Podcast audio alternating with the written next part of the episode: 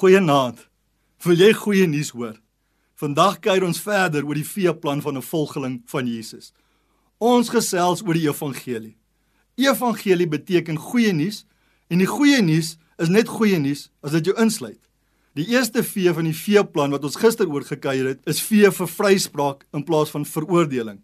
Nou die tweede vee is vir versoening in die plek van vervreemding. Hoor hoe mooi stel Paulus dit in Kolossense 1 vers 19 tot 22. En ek lees vir ons uit die Nuwe Lewende Vertaling. God het dit goed gedink om met sy volle goddelikheid in die seun te woon en om deur hom alles met homself te versoen.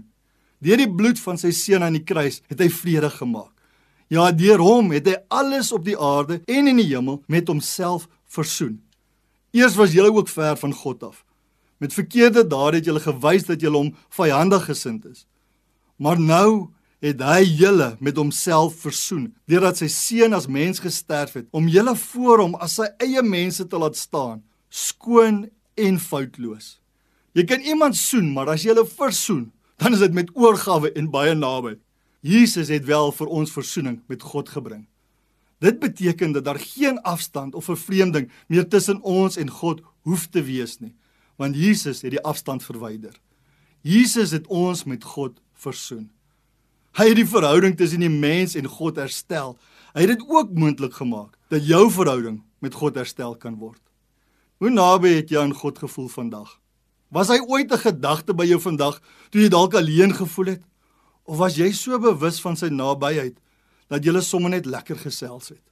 As jy erken dat Jesus jou redder is, kan jy so naby of ver van God wees as wat jy wil.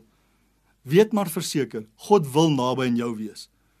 Jesus se verzoening maak dit moontlik want daar is geen veroordeling vir ons wat in Jesus Christus is nie. Die evangelie, die goeie nuus, is die goeie nuus want dit sluit jou in. 2 Korintiërs 5 vers 18 tot 19 sê die volgende: Hierdie hele nuwe werklikheid kom van God af, wat ons deur Christus met homself versoen en aan ons die bediening van versoening gegee het. Die boodskap van versoening bestaan daarin dat God deur Christus die wêreld met homself versoen het en nie die mense oortredings teen hulle hou nie. Hierdie boodskap van verzoening het hy aan ons opgedra om te gaan verkondig. Kom ons bid saam. Here, dankie dat U naby is. Help my om dit te verstaan en U beter te leer ken. Amen.